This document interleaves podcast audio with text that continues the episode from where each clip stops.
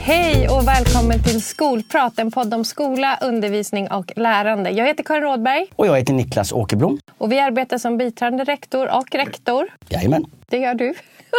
Men vi har båda en bakgrund som förstelärare med skolutveckling i fokus. Ja, och dagens gäst är en person som kan beskrivas så här. Hon är född och uppvuxen i Norge, närmare bestämt Oslo, men har bott i Sverige i sju år. Hon jobbar som legitimerad psykolog och KBT-terapeut vid Smart Psykiatri. Hon arbetar främst med barn och ungdomar kring neuropsykiatriska svårigheter men har även ofta samarbete med skolor.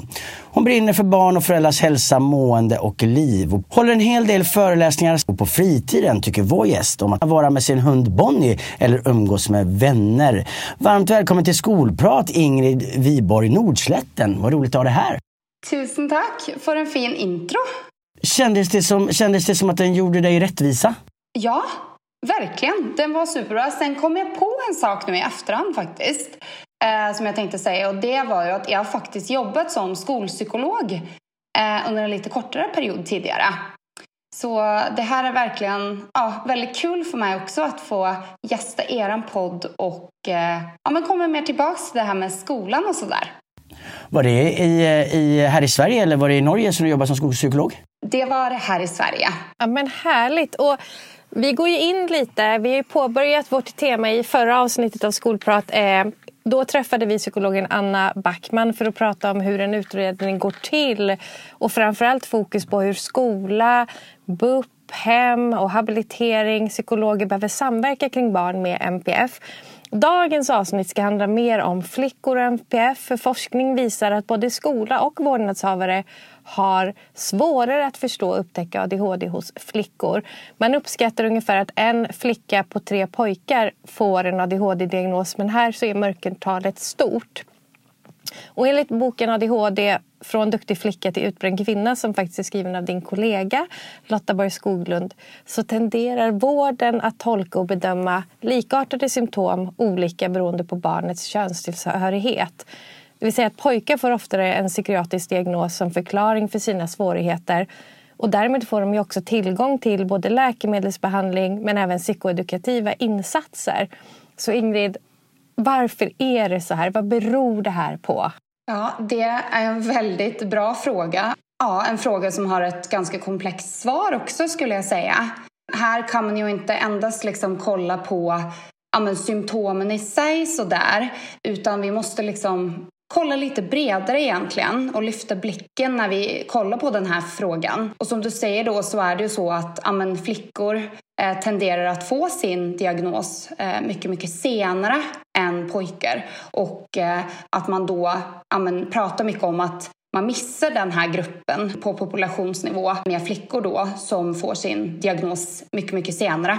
Och då tänker jag att det är fler saker som gör att det har blivit så här. Dels så handlar det mycket om normer faktiskt i vårt samhälle och hur vi ser på genusfrågan. Helt enkelt så är det så att vi förväntar ju lite olika saker av olika kön och så är det också i, i skolan faktiskt. Och det påverkar ju också hur vi kollar på och eh, ställer krav på pojkar och flickor.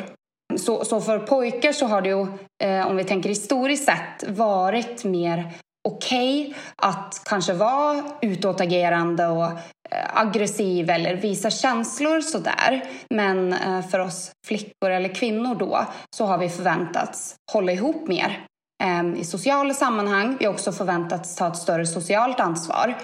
Och det här har också på något sätt kan man säga färgat hur ADHD-symptomen tar sig till uttryck hos pojkar versus eh, hur det gör hos flickor. Och sen så kan man säga att som kliniker då och som psykolog så är det ju så också att diagnostiskt och rent kliniskt i vårt arbete så kan man fråga sig lite att har vi liksom glömt bort flickorna lite? För att dels så har vi fortfarande en väldigt stor eh, brist på kunskap om just flickor och eh, ADHD. Eh, det har kommit mycket mer forskning men forskningen som har funnits eh, historiskt har varit på pojkar och män. Så flickorna har varit lite diskriminerade skulle man kunna säga i den här frågan. Och det har också gjort att vi har blivit väldigt dåliga på att upptäcka flickorna. Och bilden av ja, men ADHD har ju varit en stökig pojke som springer runt och inte uppnår kunskapsmålen. Eh, tänker jag. Det är ofta någonting jag får höra i mitt arbete och sådär.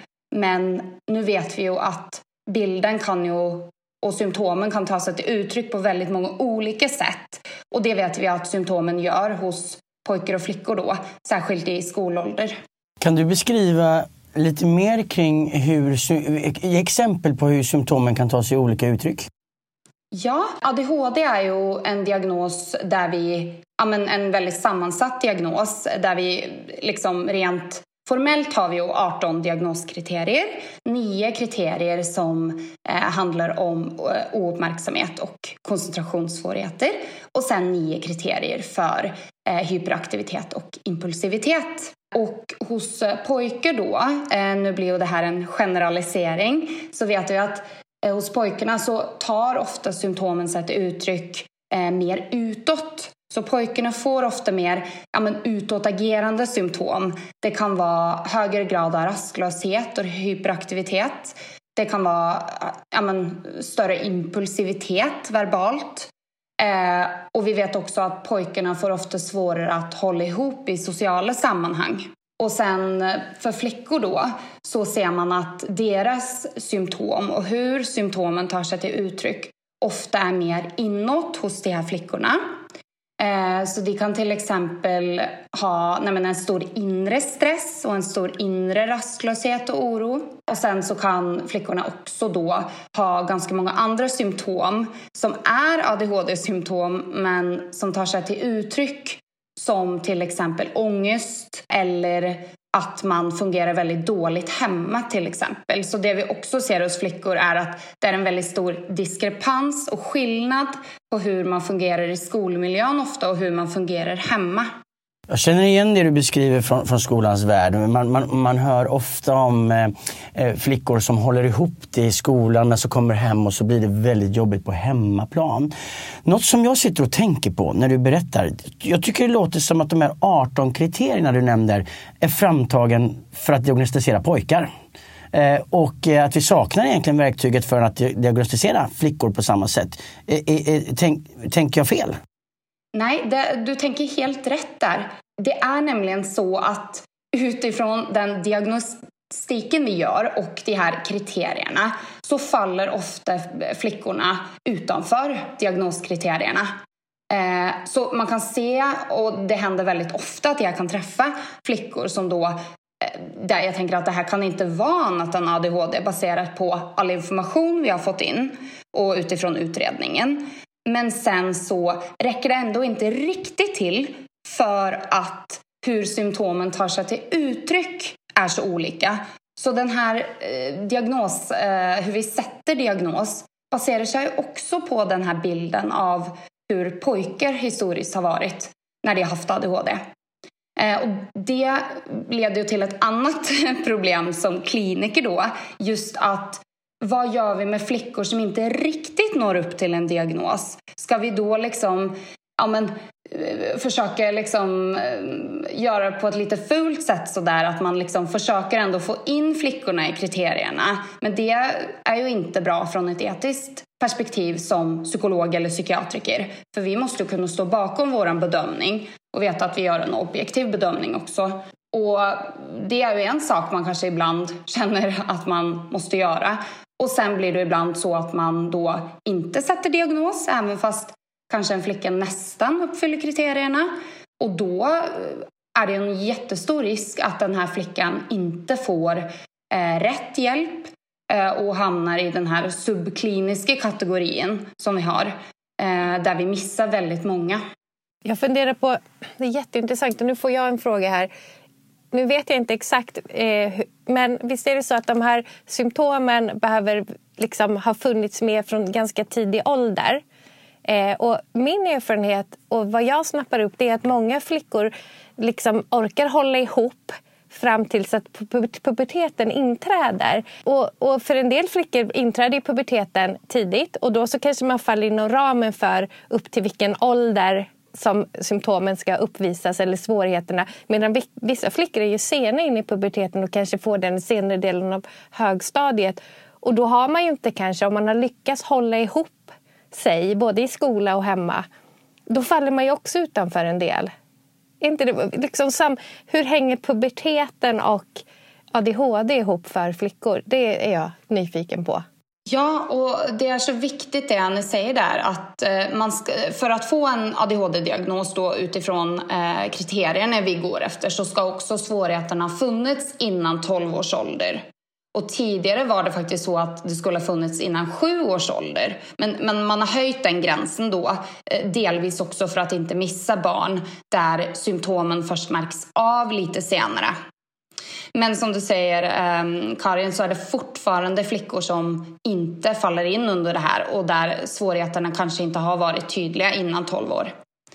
Så då är det som du säger, puberteten här, det är en jätteviktig ja, och spännande period att prata om relaterat till ADHD och eh, flickor, men också pojkar faktiskt. Eh, och det vi vet då är ju att våra könshormoner Ehm, som då är östrogen och progesteron. Eh, de har ju en stark koppling till andra signalsubstanser då, andra saker kan man säga, andra hormoner som finns i hjärnan till exempel eh, dopamin. Eh, så det vi vet är ju att för många flickor så blir det svårare att maskera och dölja sina symptom eller hålla ihop när man kommer in i puberteten. Just för att könshormonerna påverkar dopaminet och hur hjärnan kommunicerar. Det här är så otroligt intressant. Men nu Ingrid, nu, vi jobbar i skolans värld här. Och eh, vi, vi, har hört nu eh, en del problematik kring att eh, diagnostisera flickor och hitta dem i tid och vi, vi, vi, är inte tillräckligt bra på det, det kan vi konstatera. Men hur, hur kan vi jobba, hur kan vi konkret jobba för att faktiskt bli bättre på det här? Och det är lite roligt där när du säger att, att ni inte är bra nog på att upptäcka de här flickorna i tid. Det är inte vi psykologer eller psykiatriker ute i vården här i Sverige heller. Och ja, inte bara i Sverige. Så är det över hela världen. Eh, så jag tänker att det här är någonting som är viktigt inte bara i skolan utan för oss alla. Liksom. Jag tror att när man jobbar med barn och NPF eh, och ADHD så kan man känna väldigt stor maktlöshet kring det här. Hur ska man egentligen göra då? Och där tänker jag att några saker som är viktiga är ju nummer ett det här att för att upptäcka och kunna se den här gruppen som ofta faller mellan stolarna eller döljer sina symptom eh, så är det det här att kommunicera med hemmet tänker jag först och främst. För att vi vet att flickor ofta har en mer oklar och atypisk symptombild än vad pojkar har. Och det är inte ovanligt att eh, jag har flickor som kommer på utredning hos mig där skolan beskriver en ja, men så plikttrogen, trevlig, social, välfungerande flicka som når, ja, men når målen och sådär. Och sen så pratar man med föräldrarna och sen så stämmer inte bilden alls. Eh, med vad skolan har berättat. Utan hemma så ser man en flicka som är trött, som inte tar sig ur sängen efter skolan och där batteriet är slut egentligen. Eh, kanske mycket utbrott och utåtagerande beteenden. Och jag tänker att det här är en signal till oss för att man ska inte vara så där ojämn inom olika miljöer. Jag menar, vi vuxna, man skulle må jättedåligt om man jobbade eh, jättehårt på jobbet och sen kom hem och sen kunde man inte ens laga middag. Eh, så det här är en signal verkligen att det är så stor skillnad mellan hem och skola. Och sen kan man ju tänka att ja, men det är väl jättebra att flickan fungerar så bra i skolan. Och, och det, det är det ju på ett sätt, men samtidigt måste man ta det här på allvar för att barnets Ehm, liksom, liv och barnets dag slutar ju inte förrän man har gått och lagt sig. Och timmarna efter skolan tänker jag är också jätteviktiga med fritidsaktiviteter och sociala sammankomster och sådär. Och det ska ju också barnet få vara med på. Ja, men så kommunikation med hemmet är en sak och sen tänker jag att våga, liksom, som, som ni gör som är så fantastiskt, just att lära sig mer om just hur kan ADHD ta sig till uttryck hos den här gruppen av flickor. Eh, vad vet vi och vad vet vi också, vad vet vi inte? Eh, kan ju vara viktigt. Eh, och där tänker jag att vilket är viktigt också att göra, att våga ta hjälp av det man har runt omkring sig. Eh, och där har jag också haft väldigt stort utbyte just från skolor. Jag tänker att både som psykolog men också att jobba i skolan så har man ett stort utbyte av varandra kring olika kompetenser. Och jag brukar säga så att jag är ju ingen pedagogisk expert, men det är ju ni i skolan. Men det jag kan säga någonting om är ju om barnets eh, psykiska hälsa och eh, psykologiska profil. Eh, men att jag känner att det att få just prata med er i skolan och ha den, eh, en samverkan helt enkelt, det är otroligt viktigt. Intressanta två saker du tar upp här. För eh, båda de här eh, kan man komma över så här att jag har träffat hundratals barn med ADHD. Jag vet minsann hur de funkar. Men det finns förmodligen ett enormt mörkertal bland flickorna och här behöver vi skapa kunskap. Jag ska bara flika in lite. Jag brukar, det är så bra du säger där. Att jag brukar säga så här att när man har träffat ett barn med ADHD, då har man träffat ett barn med ADHD. Det är ingen liksom one size fits all med ADHD. Det är one size fits nobody egentligen. Ja, men exakt. Man kan inte dra den parallellen. Nej. Och det är, ganska, det är inte ovanligt att man som skolledare får frågor om ett barn ska börja på en skola. Passar er barn ett barn för ADHD? Barnet är inte sin diagnos. Det är som alla individer är olika. Eh, så, eh, så det är jätteviktigt hur du säger. Och sen, sen tänker jag om så här, kommunikation med vårdnadshavare är superviktigt mm. här och att man lyssnar in dem. För ibland, jag tror mig, eh, utan att ha så mycket erfarenhet kring just, just den här biten, men jag tror man kan tänka så här, fast om problemet finns i hemmet behöver ni börja jobba i hemmet. Men det är en helhetsbild vi försöker få till här där skola och hem samverkar och det verkligen ska vi ta med oss och, och tycker lyssnarna ska ta med sig. Ja. Jag har en fråga till på det här. Och, och, ser vi några generella mönster, Ingrid, på de flickorna som vi inte upptäcker? Vad händer med dem? Ja, vad händer egentligen med, med de här flickorna? Det, det vi ser är ju att en sak som är spännande här är att flickorna får sin diagnos till slut. Men då är det ju inte flickor längre, då är det kvinnor. Så flickorna, de, de finns ju, vi har bara missat det här. Eh, och den här gruppen. Så de får sin diagnos, de flesta. Eh, bland vuxna så finns det inte så stora eh, skillnader kring hur många som får en och som har en ADHD-diagnos mellan könen. Det jämnar ut sig. Så man suddar ut den här skillnaden när flickorna blir kvinnor och blir vuxna. Så de får sin diagnos. Och det betyder att de får sin diagnos alldeles för sent. Så det som händer är ju att flickorna får inte tillgång till behandling som man behöver. Eh, och vi vet också att de här flickorna eh, löper högre risk för andra eh, psykiatriska sjukdomar. Andra somatiska, alltså kroppsliga sjukdomar. Och vi vet också att med en obehandlad ADHD så lever man kortare än andra individer.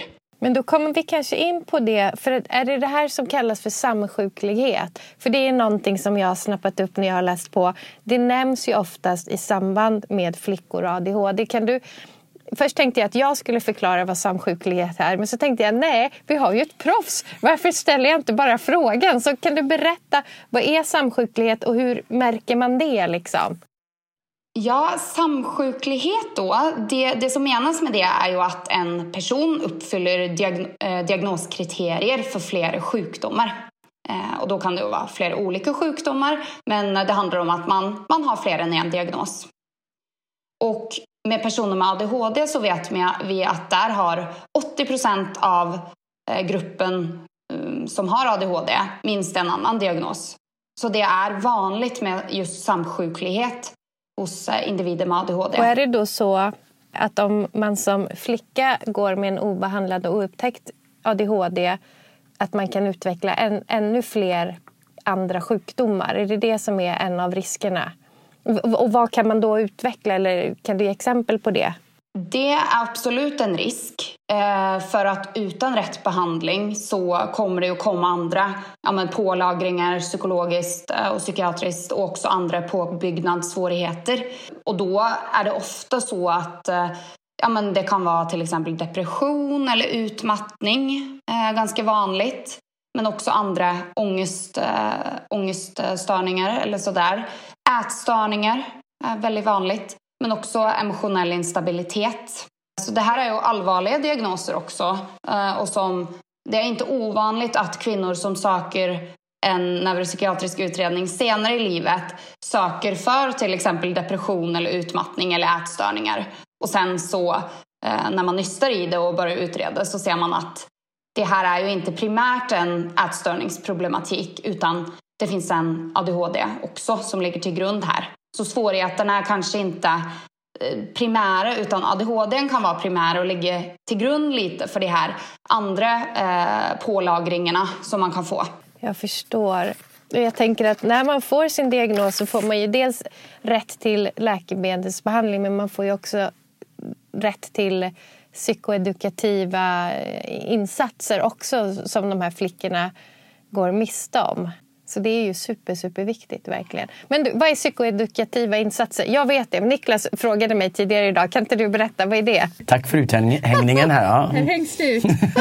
ja, men, oh, ja, för psykoedukativa insatser. Jag använder också det ordet eh, när jag pratar med föräldrar. Och jag tänker, varför har vi inget bättre ord? Det är ingen som fattar vad det här är egentligen. Eh, men psykoedukativa insatser, det handlar om att lära sig mer om sin diagnos. Det handlar om att förstå sin ADHD, förstå hur en symptom tar sig till uttryck och förstå sin egna ja, funktionskarta som vi pratar om, hur man fungerar. Och vi vet ju att liksom, det är väldigt sant det här, kunskap är makt. Och har man till exempel ett, eh, en ADHD-diagnos så är det viktigt att man lär sig eh, vad det innebär, hur man fungerar och också vilka styrkor man har. Och det ska man inte glömma bort att det här är en grupp där det är viktigt att vi diagnostiserar. Där det är viktigt att vi diagnostiserar tidigt, så tidigt som möjligt. Men det här är också en grupp där jag ändå måste säga att vilka kämpar det här är. Eh, vad mycket familjerna kämpar och vad mycket barnen kämpar. Och att det finns många styrkor också som i många fall även kan vara knyttat till just diagnosen. Och här i Stockholm vet jag att det är ju ADHD-center som finns som man kan få gå både som farmor eller som vårdnadshavare eller som barn kan gå, eller som syskon kan få lära sig mer så. Jag vet inte hur det ser ut på andra ställen. Det är lite lyxigt att bo i Stockholm på det sättet tänker jag för här finns det ju mycket stöd. Men jag, jag hoppas att det finns liknande på andra orter runt om i landet. Ingrid, vi har kommit fram till programpunkten som heter eh, Karins kritiska kommentar eller Niklas nitiska blick.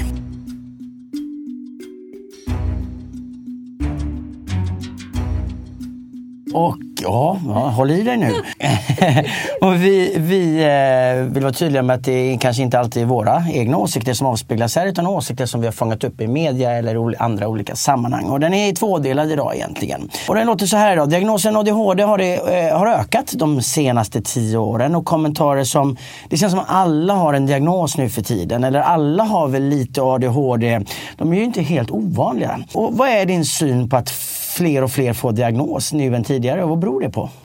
Ja, och det här är någonting som man får höra också när man jobbar med att sätta diagnoser och träffar den här gruppen. Just att alla har väl en släng av ADHD och det stämmer ju inte. Alla har inte en släng av ADHD. Men sen är det, det är helt rätt att eh, fler får diagnoser nu än tidigare. Och lite som du sa Niklas, vad beror egentligen det på? Och där tänker jag att dels så har vi ju mer kunskap nu än vad vi hade tidigare. Vi är mycket skickligare och bättre på dels att upptäcka fler tidigt, för vi vet att det är viktigt att ju tidigare, ju bättre. Om att man får sin diagnos och får rätt verktyg och rätt strategier och rätt stöd. Så man har börjat diagnostisera på yngre barn också, vilket man historiskt sett har varit väldigt försiktig med. Och sen så handlar det också om att kraven i samhället har ju ökat väldigt mycket eh, senaste, senaste åren, senaste 10-20 åren. Och samhället vi lever i nu, det är ju väldigt och skiljer sig väldigt mycket från hur det var för hundra eller en miljon eller två miljoner år sedan. Eh, men hjärnan har inte riktigt utvecklats så mycket. Så det som händer då är ju att vi får allt mer högre krav på oss och mindre stöd. Och det som händer då är att en del individer som kanske tidigare har klarat sig ja, faller igenom och eh, behöver sin diagnos helt enkelt för att kunna eh, klara av vardagen och få rätt stöd. Och även fast det har varit en, en ökning av diagnoser nu så kan man tänka att på sikt när ehm, vi också vet hur vi kan hjälpa individerna också på gruppnivå då tänker jag, till exempel i skolan eh, eller på förskolan eller ute i arbetslivet, då kan det snarare vara så att diagnoserna kanske minskar igen. Så just nu är vi på liksom en, att ja, det är fler som diagnostiseras och det är för att man behöver diagnosen. Och man har diagnosen. Eh, och alla har inte ADHD, men de som har ADHD möts av ja, men, orimliga krav. Eh, och då behöver man ju diagnostiseras för att kunna få den här hjälpen som vi har att erbjuda. Del två av Niklas nitiska blickar är snubblande nära del ett så det är nästan så att du har besvarat den redan. Men, men ehm, eh, andra delen är bara för att man är lite annorlunda behöver man inte ha en diagnos. Är det inte så ändå att vi ger ut diagnoser lite för lättvindigt? Att ha ADHD handlar ju inte om att vara lite annorlunda utan att ha ADHD det är ju en, en funktionsnedsättning och en allvarlig diagnos eh, där vi ser ja, svårigheter inom flera miljöer och där det är ett stort individuellt lidande också hos patienten om man inte får rätt stöd. Um, och att vara lite annorlunda, det kan väl vara jättebra tänker jag. Men att vara lite annorlunda, då klarar man ju oftast ändå, ändå av eh, det man behöver och, och ja, når upp till de krav som finns. Um, och man ska ju inte ge diagnoser till personer som inte uppfyller diagnoser och det är ju varför vi har den här stabila grunden Eh, som kliniker med diagnoskriterier, strukturerade bedömningsinstrument eh, och att vi också oftast gör bedömningarna tillsammans med en eh, annan kliniker, en psykiatriker till exempel, så att man verkligen ser till att de här svårigheterna som vi ser, det kan inte förklaras av någon annan psykiatrisk diagnos eller någon annan somatisk, alltså kroppslig då, diagnos eller sjukdom. Så jag tänker att det, det, finns ju risker också med att man inte diagnostiserar och att som jag nämnde tidigare så om 10-20 år så kan det här se väldigt annorlunda ut igen. Det får man ju hoppas. Alltså jag, jag tar verkligen med mig samhället får så många diagnoser som det förtjänar. Och jag hoppas verkligen att om 10-20 år att samhället förtjänar färre diagnoser så att fler barn eh, och vuxna för den delen klarar sig i samhället utan en diagnos. Det är dags att summera det här eh, väldigt intressanta samtalet. Och vi brukar avsluta våra avsnitt med att be våra gäster ge tre tips till våra lyssnare. Och utifrån dagens tema eh, så tänker jag Ingrid, vilka tre tips relaterade till att upptäcka och stötta flickor med NPF kan du ge våra lyssnare? Ja, nummer ett är väl kanske att lyssna på flickorna och låt den här gruppen av flickor också vara delaktiga, dels i sin vård men också där i skolan till exempel. Prata med flickorna, vad tycker du? Hur känner du kring det här och när blir det svårt för dig? För de sitter ju på enorm kunskap om sina egna svårigheter och sina egna symptom som vi kanske inte ser. Så det är väl nummer ett. Och sen tänker jag att en annan sak eh, som kan vara viktigt är ju att eh, nej men, våga eh, ta hjälp när det är svårt. Och inte tänka att saker ska gå över av sig själv eller ah, han eller hon är väl lite omogen, eh, kan man ju få höra. Utan att vi som jobbar med det här, vi finns ju här just för att vi vill upptäcka eh, NPF-diagnoser och ADHD så tidigt som möjligt för då vet vi att bra prognoser eh, framöver eh, och under eh, resterande del av livet. Så det tänker jag också är viktigt. Um, och nummer tre, det kanske är ett tips till föräldrar då som är ute där och kämpar lite sådär. Och också är det i skolan. Eh, men just det här att vara snälla mot sig själv också. Och ehm, att vi fortsätter med det här utbytet mellan professioner i skolan och inom psykiatrin. För att vi har väldigt mycket att lära av varandra. Och det här är saker som är svåra att stå i som familj eller som förälder eller som lärare. eller som rektor i skolan. Och det är svårt eh, ibland att stå i det här som kliniker också. Just för att det är komplexa patienter och, och, och man vill så gärna hjälpa eh, flickorna, men också pojkarna självklart. Men att våga ta hjälp av varandra.